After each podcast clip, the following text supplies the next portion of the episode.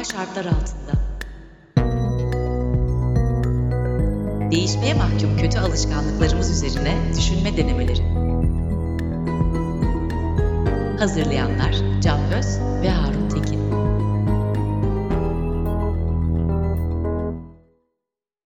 Merhaba, Anormal Şartlar Altında'nın yeni bölümüne hoş geldiniz. Bu bölümde sevgili Harun'la tutarlılık çılgınlığı üzerine konuşacağız. Harun, sen ve mikrofonun ve eski kayıt bilgisayarın üçünüz birlikte hoş geldiniz. Ya hoş bulduk. Umarım bu kadar şeye değer yani çünkü bir yandan eski bilgisayarla da kayıt yapıyorum. Bu hikayeyi e, umarım iyi ses kalitesiyle dinliyorsunuz. Evet aynen. Ee, şimdi programa girmeden önce abi geçen programda bahsettiğimiz bir şeye kısaca değinmek istiyorum. Geçen programda hatırlarsan programın başında önceki programlarda çok bilgi verdiğimiz işte benim senin sözünü kesemediğim belki fazla hazırlandığımız için e, rahat davranamadığımız gibi şeylere e, önlem almak için biraz daha az konuşarak gireceğiz demiştik. Evet bütün bu eleştirilere e, sinirli bir şekilde cevap vermek istiyoruz. bu, bu e, dinleyicilerden de fikirlerini sormuştuk. Yani bu programı dördüncü programı daha çok beğendiniz? Yoksa daha önceki programlar gibi mi yapalım diye. Birçok cevap geldi. Genel olarak çok beğenilmiş. Yalnız e, şey bir kişiden bir yorum geldi. Benim çok kıymet verdiğim bir arkadaşım. Sen tanıyorsun Baran'dan. Birbirinize daha e, az nazik davranın gibi bir şey geldi Baran'dan. Hmm. E, Salak. Ne demek bilmiyorum. Ona nazik davranmayarak çıktın içinden yok, Yok ben sana dedim ben. ha çok teşekkür ederim. Sen de aynı derecede gerizekalısın. Yok yok teşekkür ederim ben de sağ olasın. evet. Nezaketle nezaketsizlik yaparak bir show yaptık şu an gerçekten. Aynen. Yani biraz ee, komik bile olduk. Allah kahretmesin. Abi, kendimize not da verdik. Abi e, bir de e, bir iki kişiden şey geldi. Yani arada tarihi bir takım şeyler, bir takım gerçek hayattan hikayeler falan vermeniz de hoşuma gidiyor. Onları da tümden silmeyin demişler. Biz de zaten öyle bir şey düşünmüyoruz. Ee, sadece lak lak yapmayacağız. Tabii ki bir takım gerçeklere değineceğiz. Aynen. Benim tiratları 4 dakikayla sınırladık. Seninkileri de bu arada. evet 4 dakikayla sınırladık. Ee, ve programı 50 dakika gibi sürede bitirdik. Aşağı yukarı bu program 50 dakikada biter bir program haline geldi. Umuyorum bugün de öyle olur. Çünkü olmazsa zaten ben şimdi Sokrates'te arkadaşlara da arada yaptığımız programların sürelerinin ne olması gerektiğine dair çeşitli ukalalıklar yapıyorum. Gerçekten hiçbir şeyimi ciddiye almayacaklar bundan sonra. E işte tutarlılık çılgınlığı diye konuştuğumuz için hem onların senin ciddiye almamalarını sağlayacak programın adının bu olması hem de bizim bir tutarsızlık yapmamız adına ben de 3,5 saati hedefliyorum. Abi o zaman girelim. Hadi. E, tutarlık çılgınlığı derken neyi kastediyoruz? Buyur ya abi şimdi, sende. Bu bizim e, 8 konumuzdan bir tanesi olarak aslında en kolay halledilebilir olanı. Ben şöyle bir not almışım. Bir parça temel mantık eğitimiyle aslında gayet güzel halledilebilir. E, felsefede ve edebiyatta tutarlılık daha doğrusu felsefede ve kurgu eserler dünyasında tutarlılık başka başka şeyleri çağrıştırıyor ve ifade ediyor. Gerçek hayatta e, bunlardan da daha sert ve daha çok önem verdiğimiz bir şeyleri ifade ediyor. Hepsi de aslında e, aynı kavramla ifade edilse de bizim daha çok altın çizmek istediğimiz şey bu üçünü karıştırıyoruz. Bir, ikincisi de kendi işimizi en zorlaştıracak şekilde bunu yapıyoruz. Tutarlılık çılgınlığıyla kastettiğim şey de pek çok şeyde karşımıza çıkan indirgemecilik bizim zihinsel süreçleri değerlendirirken de karşımıza çıkıyor.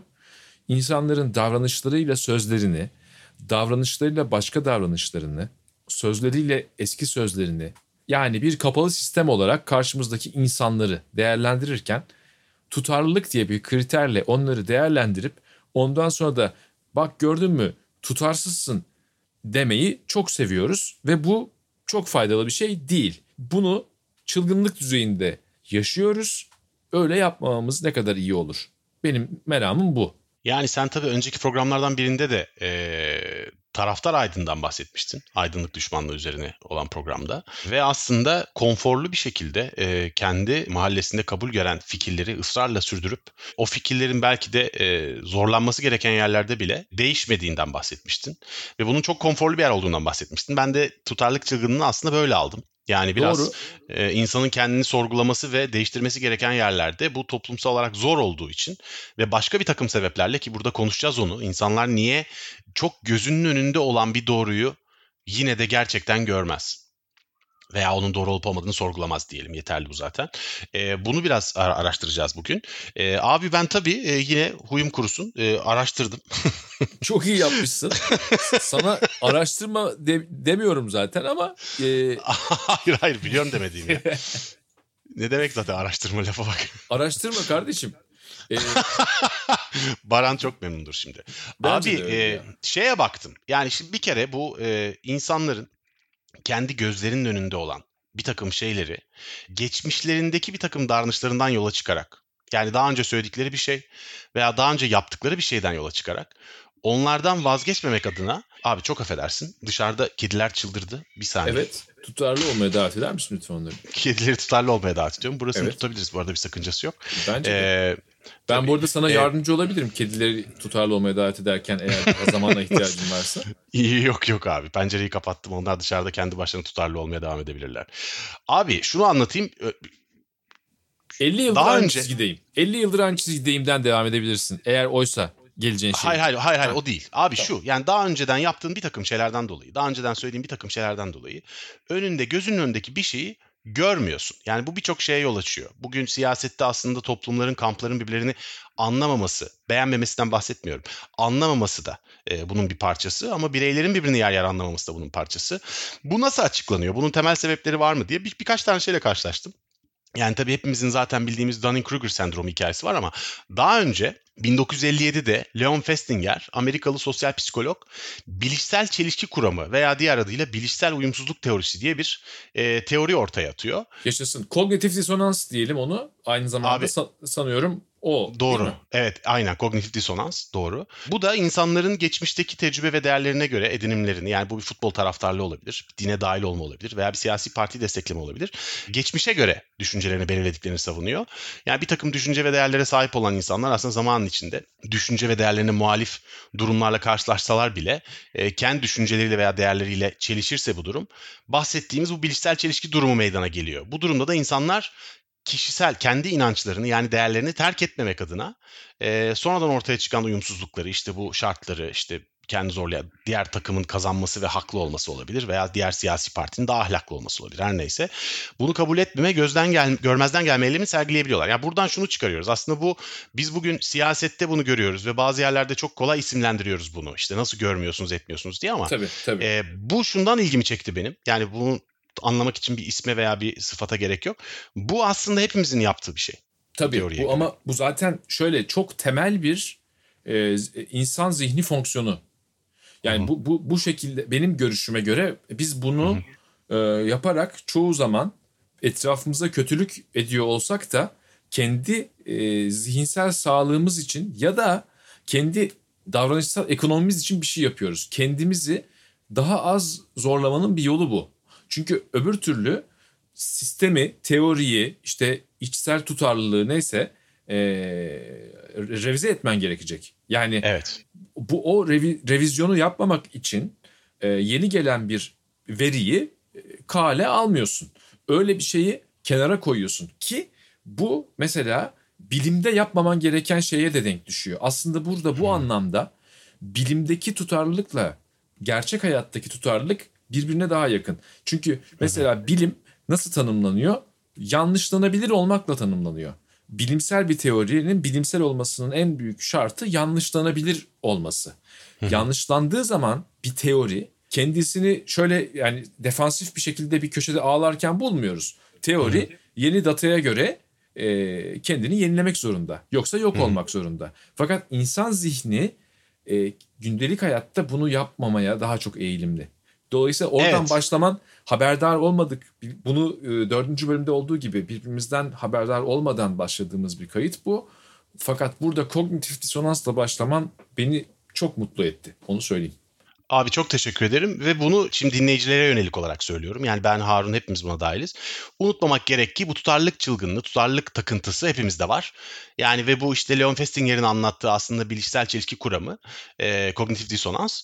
Biz trafikte de bunu her gün yapıyoruz. Yani trafikte araba kullanırken yayalara kızıyoruz ama yarım saat sonra arabadan çıkıp karşıdan karşıya geçerken bizim yaptığımızın aynısını yapan bir arabaya birdenbire sinirlenirken kendimizi bulabiliyoruz. Buradan Ee, sana lazım. bir pas atayım hemen. Buyurunuz. Bizim aslında bu teoriyle ya da kognitif disonans kavramıyla ilgili aklımızda tutmamız gereken şey ne kadar da herkesten tutarlı olmasını beklediğimiz ve beklememiz gerekmesi ya da aa bak salaklara bak nasıl da tutarsızlıklarını gizlemeye çalışıyorlar değil. Daha ziyade böyle bir durum var. Dolayısıyla tutarsızlıkları illa bir e, kaygı arttırıcı faktör veya e, bütün sistemin tehdit altına götüren bir, bir anomali olarak görmemek gerekiyor. Tutarsızlık insanın sadece böyle baş edebileceği bir şey değil. İnsanın başka türlü de baş etme yöntemleri olabilir. Hatta şimdi entelektüel veya işte kurgusal düzeydeki tutarsızlıklar yani işte Sartre'ın yine e, ne çok andık Sartre bu arada biz.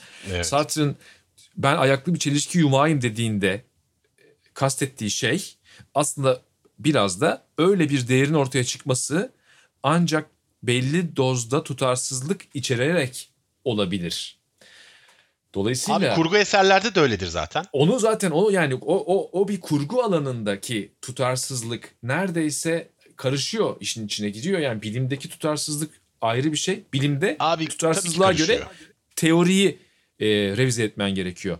Sanatta... Yani şu şunu demek istiyorum. Sanatta tabii bütün sanat dalları adına konuşamam ama edebiyat adına şunu söyleyebilirim mesela. Yani tamamen çok tutarlı karakterlerden oluşan bir hikaye geçmez sana. Yani atıyorum Kinyas'la Kayra'da Kinyas'ın ve Kayra'nın mesela banka soymaktansa veyahut da işte ayrı ülkelere gitmektense oturup Güney Afrika'da takılıp orada e, gayet tutarlı bir şekilde çocukluklarında kendilerine öğretilen şeyleri yaptıklarını düşünebiliyor musun? Yani bir hikaye çıkmaz. Hikaye çıkmamasının sebebi de şu. Yani bize sadece ilginç gelmediği için değil. Gerçek gelmiyor zaten. Ya zaten ya öyle bir yürütme... öyle bir gerçek yok zaten yani. Ama aynen Her işte. şeyi birebir yapan insan gibi. Ya çünkü çok acayip bir şey var. Akıl yürütmeye dair bir tutarlılık bekleyebiliriz. Fakat insan zihinden ibaret değil. İnsan zihni de akıl yürütmeden ibaret değil. Rüyaların hmm. var, duyguların var, işte dürtülerin var. Onlar işte bir şekilde bir tutarlılık içeren şeyler değil ki. Yani rüyanda pembe bir fil gördüğün zaman Allah Allah bu ne kadar tutarsız oldu. Öyle bir yaşantımız yok bizim. Onun bir rüya olduğunu biliyoruz. Uyandığımızda da şöyle bir kendimize gelemiyoruz. Yahut günlük hayatta da e, bütün yaşayışımızı böyle bir e, mantıklı akıl yürütmeler ve önermeler etrafında geçirmiyoruz. Ha ama şimdi tutarlılık çılgınlığının şuradan geleyim. Sanki böyle yaşıyormuşuz gibi birbirimize davranırsak eğer o zaman e sen az önce öyle yapmıştın şimdi böyle dedin diye bambaşka bir şey yapmış oluyoruz ya. Elmalarla armutlar birbirine karıştı. Sen hani öyle demiştin şimdi de böyle diyorsun. E adam belki şu anda Arada başka bir şey öğrendi. Yani şey özetle oldu. insanlara fikrini değiştirme özgürlüğü evet, vermemiş abi. oluyoruz bunu evet. yaparak. Fikrini evet. değiştirme özgürlüğü vermediğin zaman kendin de fikrini değiştirme özgürlüğünü kendi elinden alıyorsun tabii. Ee, ve bugünkü belki bugünkü bu şiddetli kutuplaşma da belki buradan ortaya çıkıyor. Çünkü bizim bugün konuşamadığımız birçok şey aslında buradan kaynaklanıyor. E, tabii. Yani tutarlılık adına ezbere tekrarlanan bir takım şeyler belki iki sene önce haklıydı o söylediği şey veya iki sene önce anlatılan vakada haklıydı ama bugün Bugün konuştuğumuz konuda belki değil. Ya bunu her konuya yayabilirsin. Yani bugün işte sağ sol çatışmalarına da yayarsın. İşte seküler, işte e, dindar veya dinbaz tartışmalarına da yayarsın. Veya işte Kürt, Türk milliyetçilik veya azınlık tartışmalarına da yayarsın. Kadın, erkek, feminizm veya maçoizm neyse. Bütün bu tartışmalara da yayarsın. Yani bu tartışmalarda birisinin bir gün söylediği ve haklı olduğu bir şey. Tabii. E, her neyse o. O gün o an haklı olabilir gerçekten e, 6 ay sonra birebir geçerli tabii ki olmayacaktır. Dolayısıyla biz bu ezberlere yapışarak gündelik ve toplum için çok kritik olan tartışmalara dair e, kararlara katılıyoruz. Ve yani... süreçlere katılıyoruz. Ve şu sorumluluğu üstümüzden atamayız abi. Ee, yani biz siyasetin başında değiliz veya iktidar değiliz veya ülkeyi değiştirecek kudretimiz yok diye söylediğimiz şeylerin ve üzerine kafa yorduğumuz şeylerin aslında toplumda bir etkisi olduğu gerçeğinden kendimizi soyutlayıp tamamen sorumsuz bir yere de kendimizi atamayız yani. Tabii Hepimiz ki. sorumluyuz her şeyden çünkü. Tabii Yaptığımız ki. her şeyden sorumluyuz çünkü yani. Ve tutarlılık fikir değiştirmeyi engellemekle kalmıyor. Bu tutarlılık çılgınlığı. Hı. Aynı zamanda bazı şeyleri gizlemeye de yarıyor. Yani sen mesela ben e, hatırlıyor musun bir cümleyle özetlemek gerekirse diye bir hazırlık yapmıştık ve orada bu bölümün şeyi 50 yıldır aynı çizgideyim. 50 yıldır aynı çizgideyim de evet. Şimdi 50 yıldır aynı çizgide olmak Türkiye'de özellikle de burada hani çuvaldızsa çuvaldız daha bir sol diyebileceğimiz çevrelerden daha çok duyabileceğimiz bir şey bu. Öbür taraftan da duyabiliriz belki ama şimdi 50 yıldır aynı çizgide olmak e, tabii ki övünülebilecek bir şey olabilir. Ama eğer övünülebilecek şey sadece 50 yıldır çizgi, aynı çizgide olmaksa o zaman problem var. O çizginin ne olduğu, oradaki incelikler, bu arada hiç mi update gelmedi? Yani e, bir şey olmadı mı yani? Bir, 50 yıldır oradayım ama hani mesela Masar abilerle ilgili efsane bir şey vardır. Yani ben Fuat abiyle konuşuyordum galiba. Hani abi hani sizin bir dışarıdan gördüğümüz kadarıyla hem çok iyi anlaşan hem de çok kavga eden bir haliniz var. Hep mi böyleydi dedim. Yok oğlum ilk 30 sene çok iyiydik dedi. İlk 30 sene. Ama bu doğru yani tamam olabilir yani 50 küsür yıla yaklaştıysa eğer bir şey bak hep böyleydi demedi yani. Şimdi fikir değiştirmeyi engellemekle kalmıyor. Neyi de yapıyor? Bir çeşit adaptasyon eksikliğini örtüyor. Bir değişim korkusunu gizliyor. Zaman zaman bir tembelliği gizliyor. Zaman zaman bir öğrenme zorluğunu bile e, perdeliyor bu tutarlılık çılgınlığı. Yani siz eğer bir alanda mesela bunu ne bileyim ben hangi alandan örnek vereyim. Şu şöyle yapılır diye 25 yaşında emin oldunuz ve o zamana kadar da yoruldunuz artık da yorulmak istemiyorsunuz. E tamam 25 yaşından 75 yaşına kadar 50 yıl o öyle yapılır diye gelmiş olabilirsiniz. Ama kuvvetle muhtemel ki o arada yani onun tam öyle değil de şöyle yapılacağına dair ikna edici bir şeyler olmuş olabilir. Ama siz artık tembellikten mi yoksa adaptasyon mu istemediniz ya da değersiz mi hissettiniz? Yok yok o öyle yapıldı böyle geldi böyle gider. E, şimdi bunun maliyetleri var. Bunun insanlara maliyetleri var, toplumlara maliyetleri var. Bizimki bayağı topluma maliyetli bir şey halinde, çılgınlık halinde. İşin en büyük ironisi de şuradaki her nereye bakarsan bak devasa tutarsızlıklar göreceğin bir toplumda herkes sanki kafayı tutarlılıkla yemiş gibi görünüyor. Bir de şunu unutmamak lazım. Bu tutarlılık dediğin konu özellikle toplumsal, sosyal ve siyasi meselelere girdiğin zaman çok da yeni olmayan kavramlarla bugünü yorumlamaya ve açıklamaya çalıştığın zaman çok sıklıkla yenik düşebiliyorsun. Eksik düşebiliyorsun. Yani mesela e, işte sağ sol diye tanımlanıyor Türkiye'de insanlar hala. Evet, e, tabii, ama tabii. So, solun ne olduğunu e, anlatmadan bu tanımı yapıyorsun. Yani işte daha önceki programlardan birinde söylemiştik işte mesela işte ben Etiler'de yaşıyorum şu an. Etiler'de yaşayan solcular deniyor. E şimdi ben solcu olabilir miyim Etiler'de yaşayarak abi?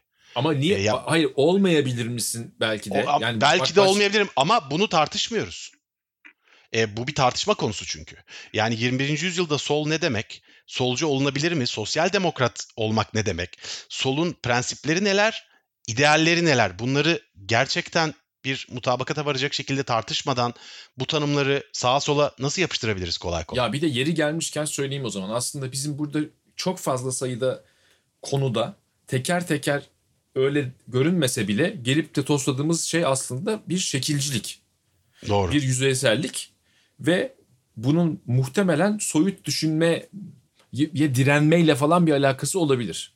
Neden bahsediyorum? Şimdi sol, sağ, Atatürkçü, Marksist, efendim ne, muhafazakar falan bütün bunlar bir şeyi anlamamıza yarayacaksa eğer işe yarasın diye olan tanımlamalar. Aslında arkalarında bir takım o kadar da tek kelimeyle özetlenemeyecek şeyleri barındırıyorlar. Hem anlamları hem de çağrışım dünyalarını barındırıyorlar. Fakat siz bu kocaman dünyaları oraya indirgediğiniz zaman aslında hiçbir işe yaramayan elinizde bir takım aygıtlar oluyor. O aygıtlarla anlaşamazsınız, tartışamazsınız, hiçbir yeni sonuca varamazsınız çünkü arkalarındaki anlam dünyalarını yok ettiniz. Böyle bir indirgemecilikten e, çok fazla muzdaribiz. Türkiye'deki tartışmalara bakacak olursanız aslında kimin sağcı kimin solcu olduğundan değil yani tartışma adabından kavramlığı dair ortak tanımlardan falan bahsetmemiz gerekiyor. Biz şimdi konuşurken ne kadar da işlerin konuşurken veya yazışırken ne kadar da işlerin sarpa sarabileceğini çok iyi biliyoruz. Tartışmaların ne kadar tuhaf yerlere gidebildiğini biliyoruz. Ona rağmen hani bugünkü yaygın anlamıyla Marx Marksist olur muydu? İşte Atatürk Atatürkçü olur muydu?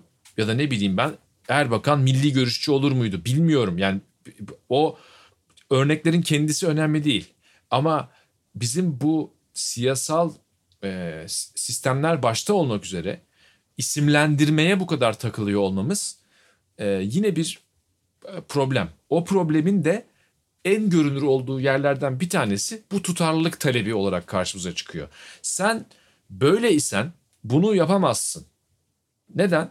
Çünkü tutarlı olmazsın. Neye göre? Benim senin ilk yaptığından çıkarsadığım sana göre. evet ne kadar aslında haksız. Ee, abi bu e, tabii bütün bu konu en nihayetinde şeye geliyor. Kendinden ve kendi davranışından ve kendi bilincinden şüphe etmek temeline geliyor.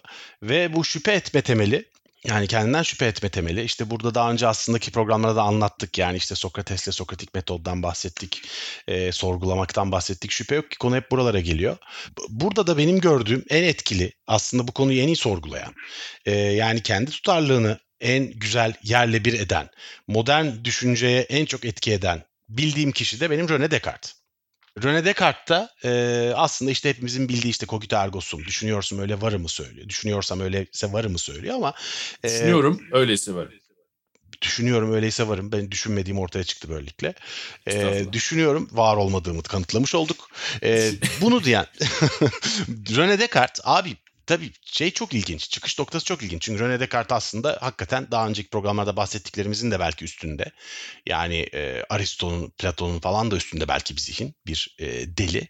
İnanılmaz formüle ediyor düşünceyi ki çok konuda yanıldığı çıkıyor daha sonra ortaya ama düşünce tarzı, düşünceye yaklaşım tarzı adamın çok etkileyici ve e, şeyi sorguluyor aslında René Descartes. Yani zihnin nasıl çalıştığına dair bu Aristo'dan beri gelen bu e, bilincin duygularımızdan çıkıp çıkmadığı fikrini savunuyor. Ama bunu tabii Descartes'in bu e, varımından önce e, bunu nasıl bir ortamda ortaya çıkardığını söylemek lazım. Çünkü bütün bu metinleri e, 17. yüzyılın başlarında ilk yarısında yazıyor. Düşünce üzerine konuşmada yazıyor aslında o şeyi de. Düşünüyorum öyleyse varımı. E, bunların çıktığı ortam aslında çok korkunç bir Avrupa dönemi. Yani işte geçen programlardan birinde anlatmıştık işte Galile'nin yargılanmasının Engizisyon tarafından. İşte tam o yıllarda aslında bu kitap ortaya çıkıyor. E, ve Fransa'da yaşıyor René Descartes. Fransa'da da öyle bir ortam var ki Fransa'da da işte e, 13. Louis başta ve o da tuhaf bir hikaye. Çünkü Louis'in annesi işte Marie de Medici e, 4. Henry ile evli ve e, evli olmasının sebebi de bir tuhaf. Çünkü işte orada İtalya'da Medici'ler işte bütün kavgaları halletmişler. İşte Papa'yı artık kontrol altına almışlar, seçtirmişler. Böyle dinle ve Vatikan'la iç içe dünyayı yönetiyorlar. Ve Henry e, çocuk yapamıyor bir türlü. Çocuğu olmuyor. Karısından da olmuyor. Metresleri de var. Onlardan da olmuyor ve yeni biriyle evlenmeye karar veriyor. Medici'ler buna diyorlar ki baba bize borcun var senin. Bayağı borcun var. Madem onu da ödeyemiyorsun o zaman bizim sana önerdiğimiz kişiyle evlen. Ve Maria de Medici ile evlendiriyorlar bunu. Ve çocuk da oluyor hakikaten. Evleniyor da işte Louis doğuyor. Ve e, Louis 9 yaşındayken e, Henri öldürülüyor. Öldürülünce Marie de Medici aslında kraliçe oluyor. Ve işte Louis 16 yaşına gelene kadar o kraliçe olarak kalıyor. İlk iş saraydan şeyin e, Henri'nin sevgilisini kovuyor falan. Fransa adına yaptığı ilk iş. Ya böyle bir ortamda Fransa. Yani bir kaos. Sonra Louis gidiyor 16 yaşına gelince işte annesini ülkeden kovuyor iktidarı tamamen ele geçiriyor. Orada bir tartışmalar var çünkü o dönem. Hani birazcık gücü yavaşlatsak mı, dağıtsak mı falan. Absolutizmin tanımını neredeyse ortaya çıkaran bir yönetim devreye giriyor. Çok güçlü ve çok taktisyen bir herif. Ve işte yanında da Kardinal Richelieu diye bir herif var. Ve Richelieu aslında Fransa yönetiyor orada 20 sene falan. Şimdi orada da bu kadar baskın din. Avrupa'nın her tarafında Engizisyon kol geziyor ve böyle bir dönemde Descartes çıkıp düşünmek ve düşünme metodolojisi üstüne bir şeyler yazıyor. Tabi burada şey söylemek lazım. Descartes'in bu anlattıklarını anlatma sebebi biraz da filozoflara onların din baskısından uzak çalışabilecekleri bir alan yaratmaya da çalışıyor herif. Şimdi yani zaten çünkü, pardon hı. bu arada şöyle gir, gir. geldi. Oruç Arıoba'yı anmak istiyorum. O e, geçtiğimiz hafta e, kaybettiğimiz. Açık Radyo'da 99 yılında yaptığımız onunla bir söyleşi var. Açık Radyo arşivinde de yayınlandı hem ses kaydı hem de şifre olarak. Orada, Dinledim çok güzelmiş bu arada Harun ya. Teşekkür ederim abi. Orada iki, son büyük kopuşlardan ilki olarak Descartes'i o da sayıyor. Ve altın çizdiği şey de hani yanlış anlaşılması pahasına bir laik felsefenin yapılmaya başlanması. Hı hı. Fakat onu da tabii senin anlattığın şartlar altında yapmaya çalıştığı için bir yandan da Tanrı'nın varlığının ispatı da var çalışmasının içinde. Kitabının, e var hani başlığında da var ve e, fakat düşünce ile ilgili hakikaten çok önemli bir kırılmaya vesile oluyor. Gerçekten de Batı felsefe tarihinin ya da işte felsefe tarihinin en büyük kırılmalarından bir tanesi. Hmm. Ve e, aydınlanma da, çağını başlatıyor denebilir zaten yani. E, o yüzden de hep kendimi şeyle e, yani bir yandan bu, bu benim için özel olarak önemli bir yer. Hem içinde oruç hmm. geçti şimdi. Yani o onu hatırlamama imkan yok. Bir de yani Descartes'in başlattığı diyelim o dönem ya da içinde ondan ilham alan sayısız akımın da olduğu bütün bu yaklaşımların e, hepsine birden mesela çok tepki duyduğum bir dönemim de vardı. Hmm. Hatta ona e, yani Descartes'tan hareketle Kartezyen kuyusu adını takmıştım. Hmm. E, minik bir e, şeyle. bu aslında şu anda e, neden bu tutarlılık meselesiyle ilgili bir alarm zili çalıyorsa içimde o düşünce tarihi içerisinde de zaman zaman başkalarının içinde çalan bir alarm zili. Çünkü Descartes'in felsefecileri bir e, argümantasyon biçimine davet etmesi ayrı bir şey. Fakat ondan sonra onu alıp veya başka türlü mesela Aristo mantığını da alıp bütün argüman kurma biçimlerini ya da bütün felsefeyi ya da bütün her şeyi onlarla yargılamaya başlamak başka bir şey getiriyor. O e, manada tabii. Descartes da mesela çok büyük ihtimalle Descartes'çı olmazdı. Ya unutmamak lazım işte Descartes bu baskı ortamında aslında birazcık felsefeyi o dini baskıdan kurtarıp ondan muaf bir alan yaratmaya da çalışarak söylüyor söylediklerini. Yani bugün gelip bugünün şartlarında o söylediklerini niye söylediğini anlatsa belki bazılarını sadece e, o gün bir alan açmak için söylediğinde söyleyebilir. Onu bilmiyoruz. E, ama tabii herifin yaptığı çok ya çok matematik kafalar tabii bunlar abi. Adamın mesela sen de bilgisayar oynamayı seviyorsun. Ben de çok. seviyorum. Abi bu e, herif olmasa bilgisayar oyunları olmazdı biliyor musun? Çünkü adam... Önemli bir insan oldu buradan Ya filmlerdeki üç boyutlu efektler falan da yani en azından bugünkü halinde olmaz. Çünkü adamın o dönem çıkarttığı algebraik geometri dediğimiz hikaye yani işte bu XY'de işte aslında şey üç boyutlu evrende noktaların yerlerini tanımlamak için bir metot. E, bugün üç boyutlu e, oyun tasarımlarında ve özel efektlerde bu metot kullanılıyor hala. 17. yüzyılda çıkardığı herifin. Yani şimdi böyle bir kafadan bahsediyoruz. Dolayısıyla bu kafanın bize söylediği ve anlattığı şeyleri tam olarak neden söylediğini bilemeyebiliriz. Ancak şunu çok somut olarak söyleyebiliriz. Yani bu tutarlılık, tutarlı olmanın karşıtı kendinden şüphe etmekse e, o şüphe etmenin en derinlerine inen e, bakış açısı Descartes'in bakış açısı. Hatta o kadar fazla iniyor ki ya yani vücuttan şey tamamen sayırıyor. Hı. Mükemmel bir şey söylüyorsun. Çünkü şüphe etmeninse, şüphe etmenin tutarlılığınsa tutarlılığın kralını yapmış bir insandan bahsediyoruz. Evet kesin. Ee, demek ki bunlar aslında çelişmeyebilir. Demek ki insanın e, kendi sistemini yeni datalara göre revize etmesi, kendinden şüphe etmesi aslında tutarlılığın önünde bir engel değil, tam tersine tutarlılığı güçlendirebilecek bir faktör olarak karşımıza çıkıyor. E tabi kesinlikle ki bu aslında tabii ki Descartes'tan sonra hep devam etmiş bir konu bu. Yani işte bugün bir arada bahsettik. Bu arada Dunning-Kruger dedik ya. Dunning-Kruger'ı ben e, biraz karıştırdım abi. Dunning-Kruger nereden çıkmış diye. Yani tarihini biliyordum da çıkış noktasını bilmiyordum. Abi çıkış şeyde 1999'da Amerika'da bir üniversitede çıkıyor. Sosyal psikolog bir işte iki kişi e, ortaya çıkarıyor. Dunning-Kruger efekti, etkisi e, araştırmasını ama çıkış noktası şuymuş abi. 1995'te Amerika'da bir herif MacArthur Wheeler diye bir adam Pittsburgh'da banka soyuyor ve e, bankaya girerken maskesi yok yüzünde. Bankadaki kameraya bakarak gülümseyip el sallıyor. Ve giriyor içeri ve bankadaki paraları alıyor ve gidiyor. Ve o kamera kayıtlarından adamın kim olduğunu öğreniyorlar. Gidip adamı evinde yakalıyorlar ve götürüyorlar. Şimdi bunun üstüne çıkıyor olay. Adam karakola gittiğinde karakolda polisler e, Wheeler'ın karşısına kendi el salladığı ve gülümsediği kamera kaydını koyuyorlar. Bu sen değil misin birader diye. Ve adam çok şaşırıyor. Benim görünmemem gerekiyordu o kamerada diyor. Neden diyorlar? E çünkü yüzüme limon suyu sürmüştüm ben diyor. Of. Evindeki bir limon suyunun üstünde aynı zamanda görünmez mürekkep olarak da kullanabileceğinin yazması üstüne bunu yüzüne sürerse yüzünün görünmeyeceği kanaatine varıyor herif. Ve Sonuçta bir takım psikologlar giriyor. Acaba bu adam dili mi veya gerçekten Gerçekten yet- görünmüyor mu falan. gerçekten görünmüyor mu diye veya yeteneği ya gerçekten kafası çalışmıyor suçlayabilir miyiz acaba diye anlıyorlar ki adamın tek problemi yanlış bilgiye çok güvenmesi. Aptal da değil, deli de değil. En azından bildiğimiz bu. Ve Dunning ve Kruger bunu merak ediyorlar. Yani insanın kendi e, fikrinin yanlış olduğunu anlamamasının sınırlarını merak ediyorlar. Ve bunun üstüne bu araştırmayı yapıyorlar. Araştırmanın sonucunda da kabaca şu çıkıyor.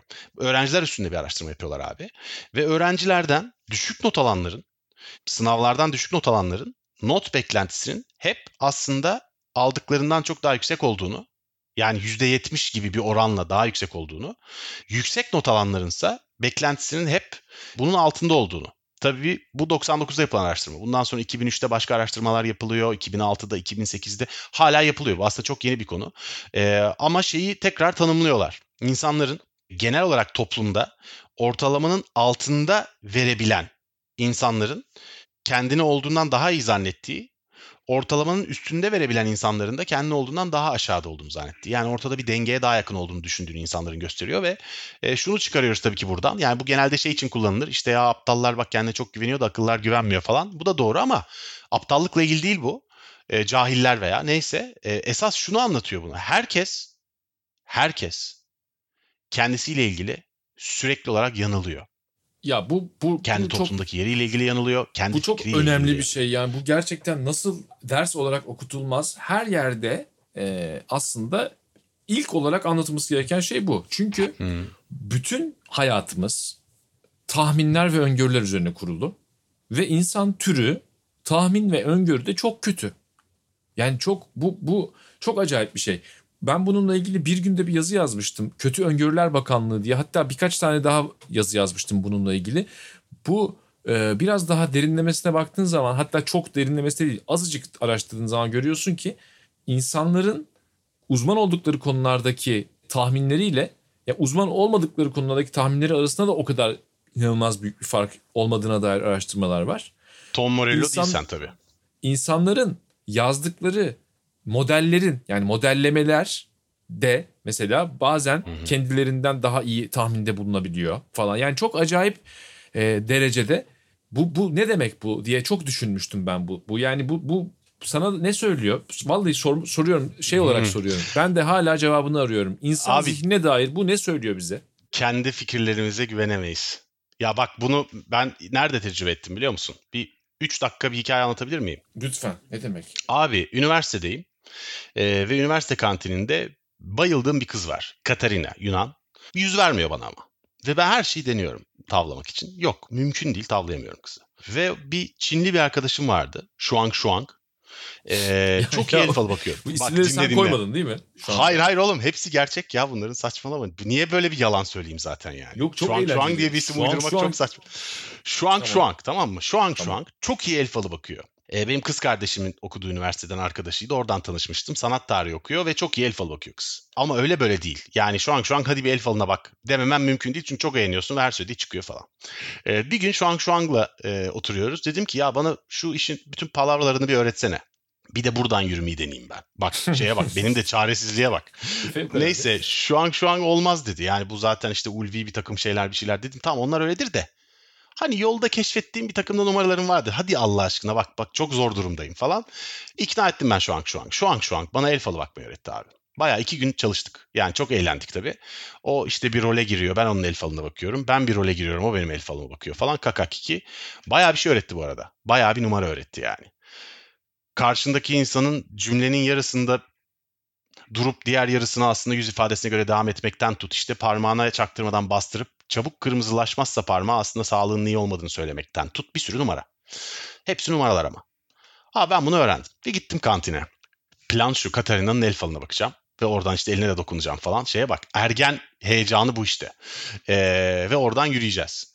Abi e, orada işte tabii masada bir başkasının el falına baktım falan. O laf açıldı. Bakmış oldum tesadüfen. Ee, ve sonunda işte sıra Katarina'ya geldi. Onun da el falına baktım. Sonuçta hikayenin aslında belki sürüklediğim kısmı Katarina ile bir bok olmadı. Yine kıçıma tekmeyi yedim Katarina'dan. Ama adım çıktı. Falcı. İstanbullu Can diye bir herif var. Çok iyi el falı bakıyor diye. Abi bu öyle bir boyuta geldi ki Boston'da üniversitede okuyorum bu arada. Şimdi şu an şu anlar nereden çıktı demesin herkes. Şöyle bir boyuta geldi ki yani nereye gitsem birisi el falı bakmamı istiyor artık. E, aylar geçti. Benim bir ev arkadaşım var. Ev arkadaşımın e, bir sevgilisi vardı Melih. E, Melih'ten ayrılmıştı. Ve yeni bir sevgilisi vardı artık Igor diye. Ve Igor Melih'ten daha yakışıklı, daha başarılı ve daha komik ve daha zekiydi. Melih'in hiçbir şansı yok yani. Bir gün gece saat 3 benim ev arkadaşımla gitmiş sevgilisinde kalıyor. Gece saat 3 kapım çaldı. Bu çocuk gelmiş New York'tan atlayıp. Ne var abi dedim. Abi dedi el falıma bakar mısın? Gece saat 3 yağmur var. Gel dedim tabii yani endişelendim aldım içeri. Niye abi dedim. Abi dedi işte ilişkiyi toparlamak için ne yapacağıma dair fikre ihtiyacım var. Dedim oğlum el falı mel falı yalan lan hikaye o. Ben ciddi bir şey yapmıyorum ki tamamen o bir oyun yani. Abi inandıramadım herifi. Neyse sonunda dedim ki bak ben sana tavsiyeler verebilirim. Ne tavsiye vereceğim bu arada hiçbir şansı yok gerçekten. Dedim ya unut falan. Neyse bana kızarak hakaretler ederek gitti. Ertesi günde kantine gittim tekrar. Herkese söyledim. Dedim ki bakın arkadaşlar ben el falı falan ciddi değil ha inanmıyorsunuz herhalde. Kimisi zaten tabii lan falan dedik. Neyse ve bitti. Bir daha bakmadım gerçekten. Ama şöyle bir şey oldu abi. 3 ay boyunca yüzlerce insanın el falına baktım ben. Ee, ve şunu sana çok rahat söyleyebilirim. Yani mesela astrofizik ve matematik e, çift ihtisas yapan e, okulun en zekisi dahi çocuk Antonis dahil bildiğim yani. Abi herkes yuttu Zoka'yı. Kendisiyle ilgili bir şey anlatıyorsun çünkü. Çünkü kendisi o zaman şöyle bir şey var ama Zoka'yı yuttu dediklerin aslında gayet e, şeyler. Yani kendileriyle ilgili kendileri dışında bir fikre ihtiyaç duyuyorlar. O bakımdan. Evet evet ama kendileriyle ilgili bir takım şeyler söyleniyor ve bunları inanmaya çok açıklar. Çünkü kendileri ve kendi fikirleri ve kendi düşünceleri konusunda aslında en zeki tanıdığım bile gerçekten derinden bir noktadan iletişim kurarsan aslında o düşünceler sarsılmaya çok açık. O düşüncelere, kendine dair kanaatlerine, kendine dair fikirlerine asla güvenmemen gerektiğini, yani mesela kendimin ne olduğuna dair yapabileceğim tanımların da hepsinin aslında altının bomboş olduğunu şükür çok genç yaşta öğrendim aslında bu sayede. Ve kendimize güvenmememiz lazım abi. Yani bunu öğrendim orada. Çünkü bu çok, çok, kolay acayip bir yanılıyoruz. şey bak burada hep Hmm. doz zehir dozdadır derler ya. Hmm. Kendimize güvenmememiz lazım dediğin şey kendimize Kendimizle ilgili fikirlerimize. Evet yani ve bir miktar da bu bak sen böyle diyorsun ama hiç de kendinle ilgili o kadar düşünmemiş bir sürü insan da o kadar çok kendine güvenerek ortalara çıkıyor ki onların bir takım etkileri oluyor. O etkilerle sen o kadar da emin olmamak lazım. O kadar da yani bir daha düşünelim falan derken kendini baş edemezken buluyorsun. Bu çok çılgın bir O öyle ama şunu mesela. şunu şunu evet ama şunu da unutmamak lazım. Yani kendin dediğin kavram, o içini bir şekilde doldurduğun kendin dediğin kavram aslında seni hiç tanımayan birisinin fal bakıyorum diye gelip bambaşka şeylerle hemen dönüştürebileceğine seni ikna edebileceği kadar da zayıf bir kavram. Yani şu kendimiz kendi fikirlerimiz, kendi düşüncelerimiz, kendi ayağımıza yere bastığımız ideolojiler, ahlaki temeller, zeminler, hayatla ilişki kurduğumuz hemen hemen her şey aslında çok uydurma. tabii Bunların son uydurma derece olmadığına inanmak bize çok iyi geliyor olmakla beraber tabii bravo. e, e, bunları da bu kadar da ciddiye almamak gerek. Onu demeye çalışıyorum. Yani E, sonuçta şey diyecek halimiz yok. kamusal bir şeye ulaşabilme şansın da daha yüksek. Yani yoksa Yüzde çok fazla kendinle meşgul bir hale Çok geliyorsun. fazla kendine meşgul bir hale geliyorsun. Yani şey demiyorum tabii ki her sabah kalkıp "Hmm, düşünüyorum öyleyse varım ve onun dışında her şey palavra falan diye böyle delirirsin yani. Şüphe yok. Bu burada yani kimseye böyle haddimin ötesinde bir tavsiye verecek halim yok. Ama şunu söyleyebilirim. Kendimize dair fikirlerimiz, kendi ideolojimize, kendi düşüncelerimize, kendi duygularımıza dair fikirlerimiz aslında kolaylıkla üzerine çalışıp değiştirebileceğimiz, çok rahatlıkla kuşku duymamız gerektiğini düşünürsek kuşku duyabileceğimiz ve sorgulayabileceğimiz fikirler. Biz bu fikirlerin çok daha sağlam bir zemine oturduğunu düşünüyoruz ve yanılıyoruz bence. Be- Ben de entelektüel namus meselesi olarak tutarlılık e, aslında bir yere kadar anlaşılır ve gerekli e, bence de. Ama bunu şöyle bir şerhle desteklemek isterim. Orada bile yani bir- diyelim ki biz bir e, ha bak şu araya bir reklam gireyim. Hı, Bir reklam gireyim mi? Gir abi. Şimdi ben bildiğiniz gibi Mor ve Ötesi grubunun solistiyim. Futbolcu olmadığını öğrenip kapatıyorlar şu an programı. Evet o, o maalesef o şey var ama. Şimdi ben gitar çalıyorum. Benim temel enstrümanım gitar. Yani 10 yaşında e, bana bir gitar hediye etti babam. 14 yaşından itibaren gitar çalıyorum. Elektrik, akustik bir şekilde kendimi ifade edecek kadar gitar çalıyorum. Ötesinde kendimi en çok ifade edebildiğim şeylerden biri. Bir tanesi ses, bir tanesi de gitar. Dünyadaki en e, önemli gitar üreticilerinin de e, pek çoğu Amerika Birleşik Devletleri'nde. Şimdi ben bir noktada bir, bir yerde şey görmüştüm. Ya Harun Tekin'in gitarının ABD yapımı Fender olması diye üzerine bayağı konuşulan bir Ah şey ya. ya denk geldim tamam mı? Yazık olan esas bu değil. Yazık olan benim de bir an için bir an için değil hatta. Ya çocuklar haklı mı acaba diye düşünmem. Hmm. Çünkü bunlar öyle tuzaklar ki insan kendi kendine kuruyor önce. Ondan sonra başkasına kuruyor. O başkası etkilenip o da kendi kendine kurabiliyor. Yani ne olacaktı? Ne anlamı var? Yani Harun Tekin'in gitarının ABD yapım Fender olması şöyle söyleniyor yani tutarsızlık örneği olarak. Ben mesela ABD yapımı gitarlar kötüdür demiş olsam bu bir tutarsızlık olurdu. Ee, veya ben ABD'den gelen her şey kötüdür demiş olsam o da bir tutarsızlık olurdu. Hı hı. Hatta abartayım birazcık. ABD'den gelen her şey kötüdür desem bile aslında buradaki tutarsızlığın sebebi bu cümleyi söylemiş olmam olurdu. Yine de Fender veya Gibson neyse yani Amerikan yapımı gitar, elektrik gitar e, sahibi olmak hangi neyi savunursa savunsun, ne söylerse söylesin bir insan için şey değil, e, bir, bir problem değil. Buradan nereye gelmek istiyorum? Eğer ön kabullerden bir tanesi veya akıl yürütme biçimi yanlışsa o zaman bu tutarlılık avcılığı da kesinlikle yanlış sonuç verir. Bak ye- yanlış sonuç verebilir demiyorum. Burada bir kesinlikten bahsediyorum. İçindeki mantıkçı çıktı ortaya gördün mü? Ön kabullerden bir tanesi veya akıl yürütme yanlışsa tutarlılık avcılığı kesinlikle yanlış sonuç verir. Şimdi bak bu cümleyi hayatımıza uyarlarsak biz gerçekten ne kadar çok ön kabulün veya ne kadar çok akıl yürütmenin yanlış olduğunu göreceğiz ve üzüleceğiz. Ben hala her gün çok üzülüyorum. Daha Descartes birebir söylüyor bu cümleyi neredeyse biliyor musun?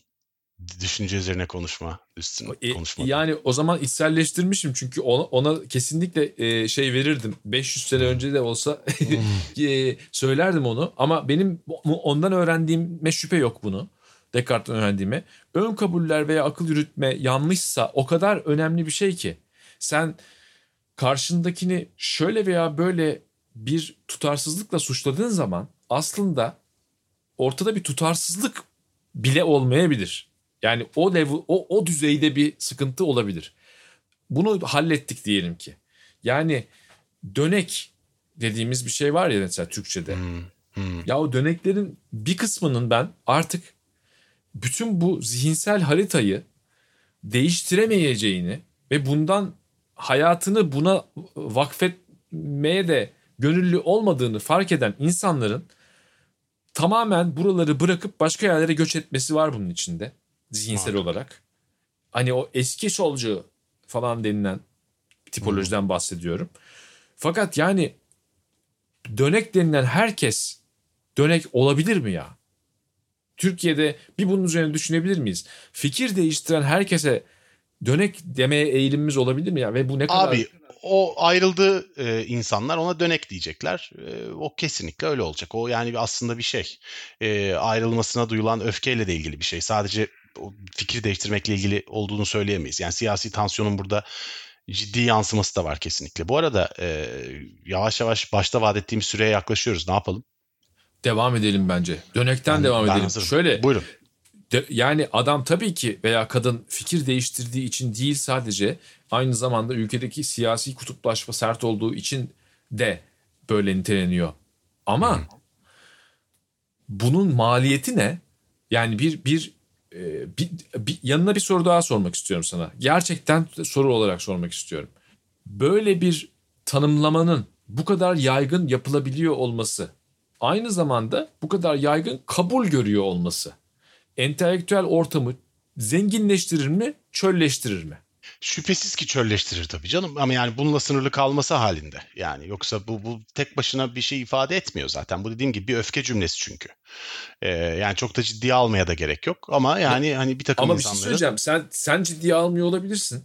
Ben de almıyor olabilirim. bazen alıyorum. Ama ben de alıyorum ve bir sürü insandan seninle bahsetmiyor muyuz? Ya bu kadar çok şeyi iyi anlayıp da nasıl bu kadar e, belli bir konuda bu kadar şey olabilir? İlkel kalabiliyor e, diye falan. Hmm. diye. Çok konuşuyoruz, Bu, bu kadar bu, bu kadar ne diyeyim e, kör. Yani Sığ, bu kadar evet. bu kadar e, Çeşitli hakaretler. Evet evet. Eşşoğlu Bu kadar salak nasıl olabilir geçsin. bu hayvanlar? hayır hayır öyle değil. Bir de dille ilgili de özel olarak dikkat etmemiz gereken bir çağda yaşıyoruz. Dolayısıyla ben buradan e, bütün salaklardan özür diliyorum. Eminim bütün Ya. salaklar çok memnun olmuştur şu an. evet evet e, mutlaka. Burada dönekle e, kastedilen şey eğer bizden koptu başka yere gittinin öfkesine ibaret olsaydı o zaman gerçekten büyük problem olmazdı. Burada esas problem yani bu arada dönek denilen insanların önemli bir bölümünün de gerçekten dönek olma ihtimali de olabilir ama o değil mesele. Mesele Abi şu. dönek çok rahatsız edici bir söz ya. Başka Evet bir söz abi, bulalım. dönek- Rica dönek ne demek? ya. Dönek ne demek ya? Gö- şey gibi bir şey bu. Döndü. Yolundan döndü.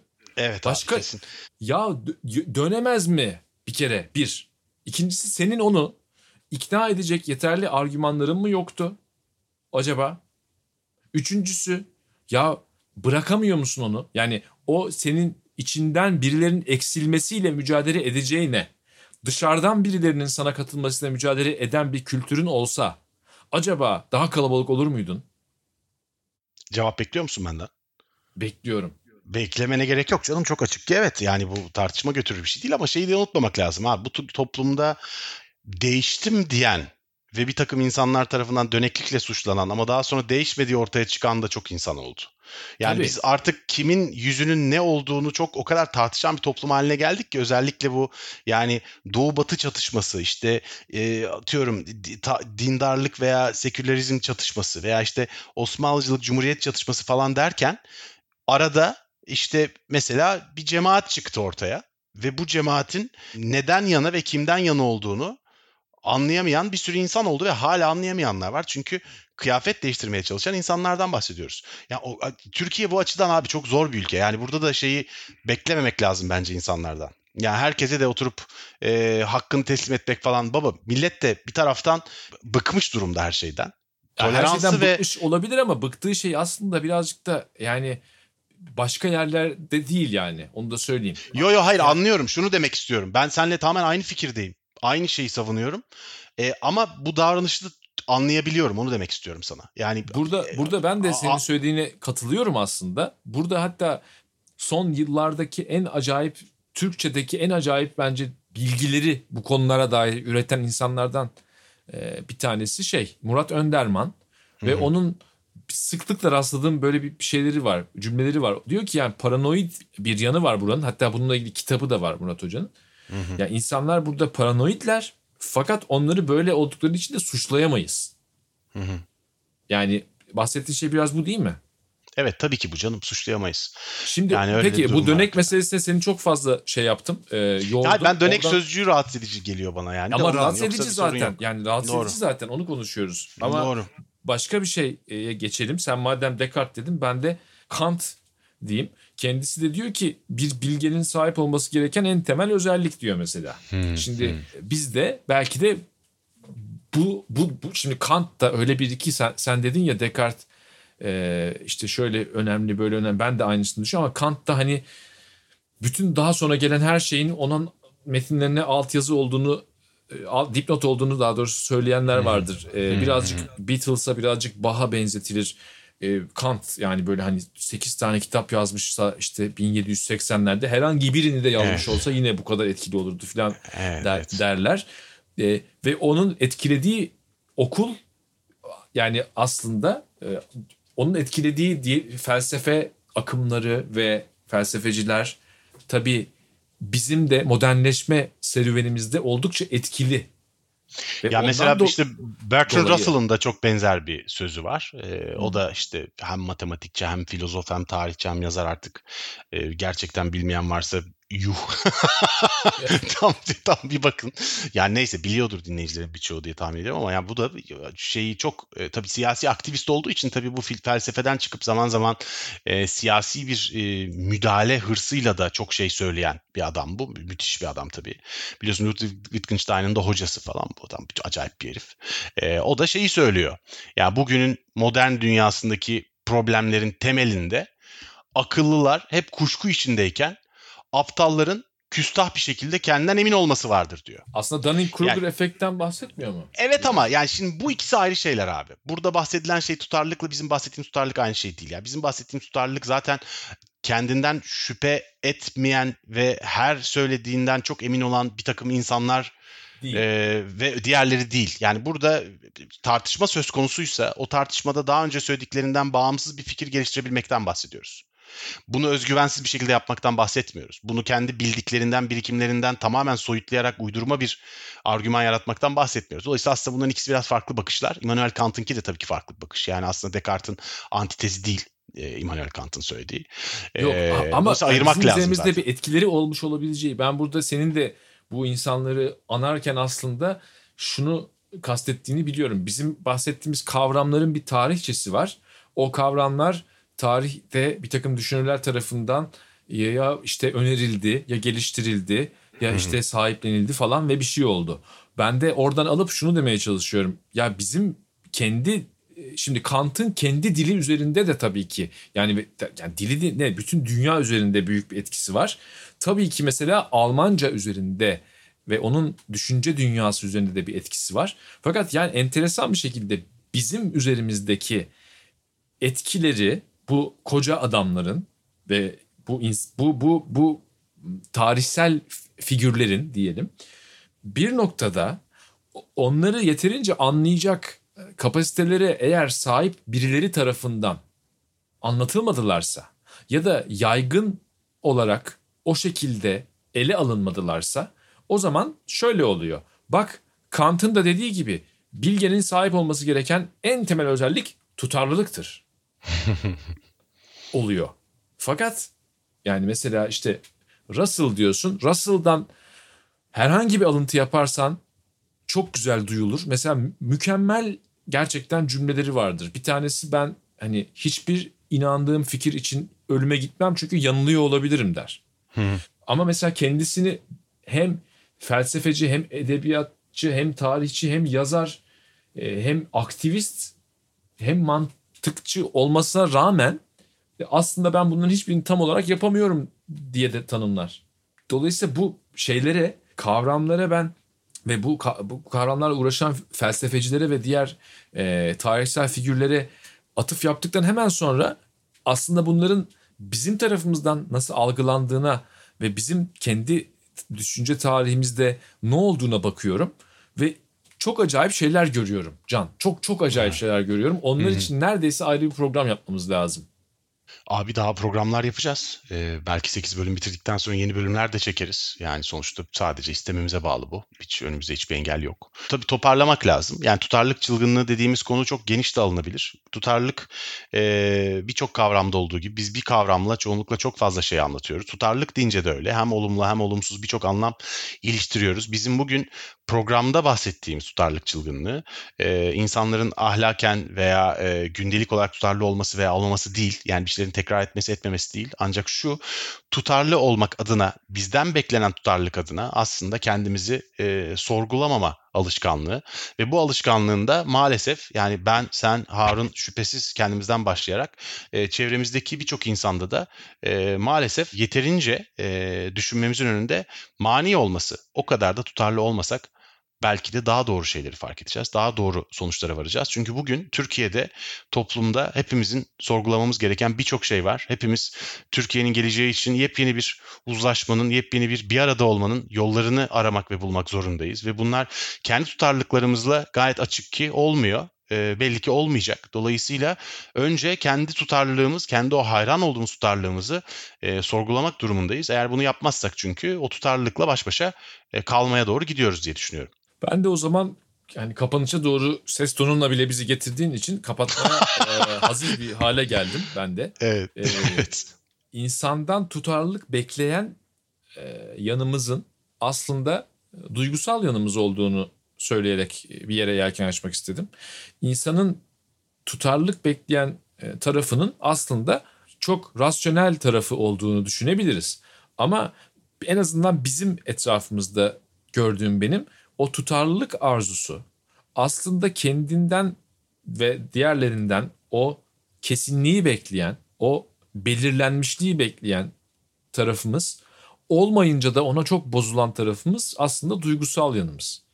Ve bu fark edildikten sonra da aslında burada bir e, değişim tetiklenebilir.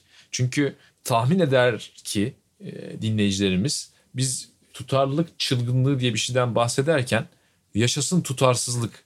Ne bu böyle tutarlılık tutarlılık demiyoruz. Yanlış anlaşılan, abartılan, birazcık kantarın topuzunun kaçtığı durumlardan bahsediyoruz. Bu sırada bizim ıskalamış olabileceğimiz şey de ne? Aslında hayal gücüyle işte kreatif üretimle ne derseniz ona kurgusal olanla tutarlılığın ilişkisi. Çok sen güzel değindin aslında ona kahramanlar üzerinden ama ona dair ben de bu sefer senin eline su dökemem ama bu alıntılar konusunda gerçekten Oscar Wilde'ın ve Huxley'nin e, söylediği e, birer sözle mevzuyu paketlemek istiyorum.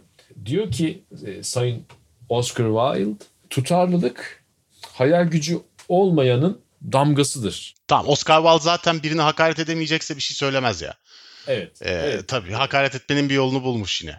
Bulmuş ama şey daha e, hakaret amiz olmadan söylemiş bunu Huxley. O da diyor ki tutarlılık e, doğaya terstir, hayata terstir. Gerçekten tamamen tutarlı olan insanlar ölülerdir. Çok korkunç bir şekilde kapatmak üzereyiz şu anda programı. Evet. Evet bunu demiş ama ben demedim. Ben o, ben ben Huxley Huxley'in yalancısıyım. Şimdi tabii. bu da tabii. Şimdi bu da tabii yanlış. Yani Abi o zaman ben bir kitap tavsiyesi vererek kapatabilir miyim programı? Çok tabii iyi ki. denk geldiğini düşünüyorum. Benim gerçekten herhalde en sevdiğim 3-5 kitaptan biridir. Yani başucumda taşıyacağım e, kitaplar arasında e, her yerde e, mutlaka bir tanesidir. E, Andre Gide'in yazdığı Dünya Nimetleri ve Diğer Nimetler. Git Nathaniel diye başlar.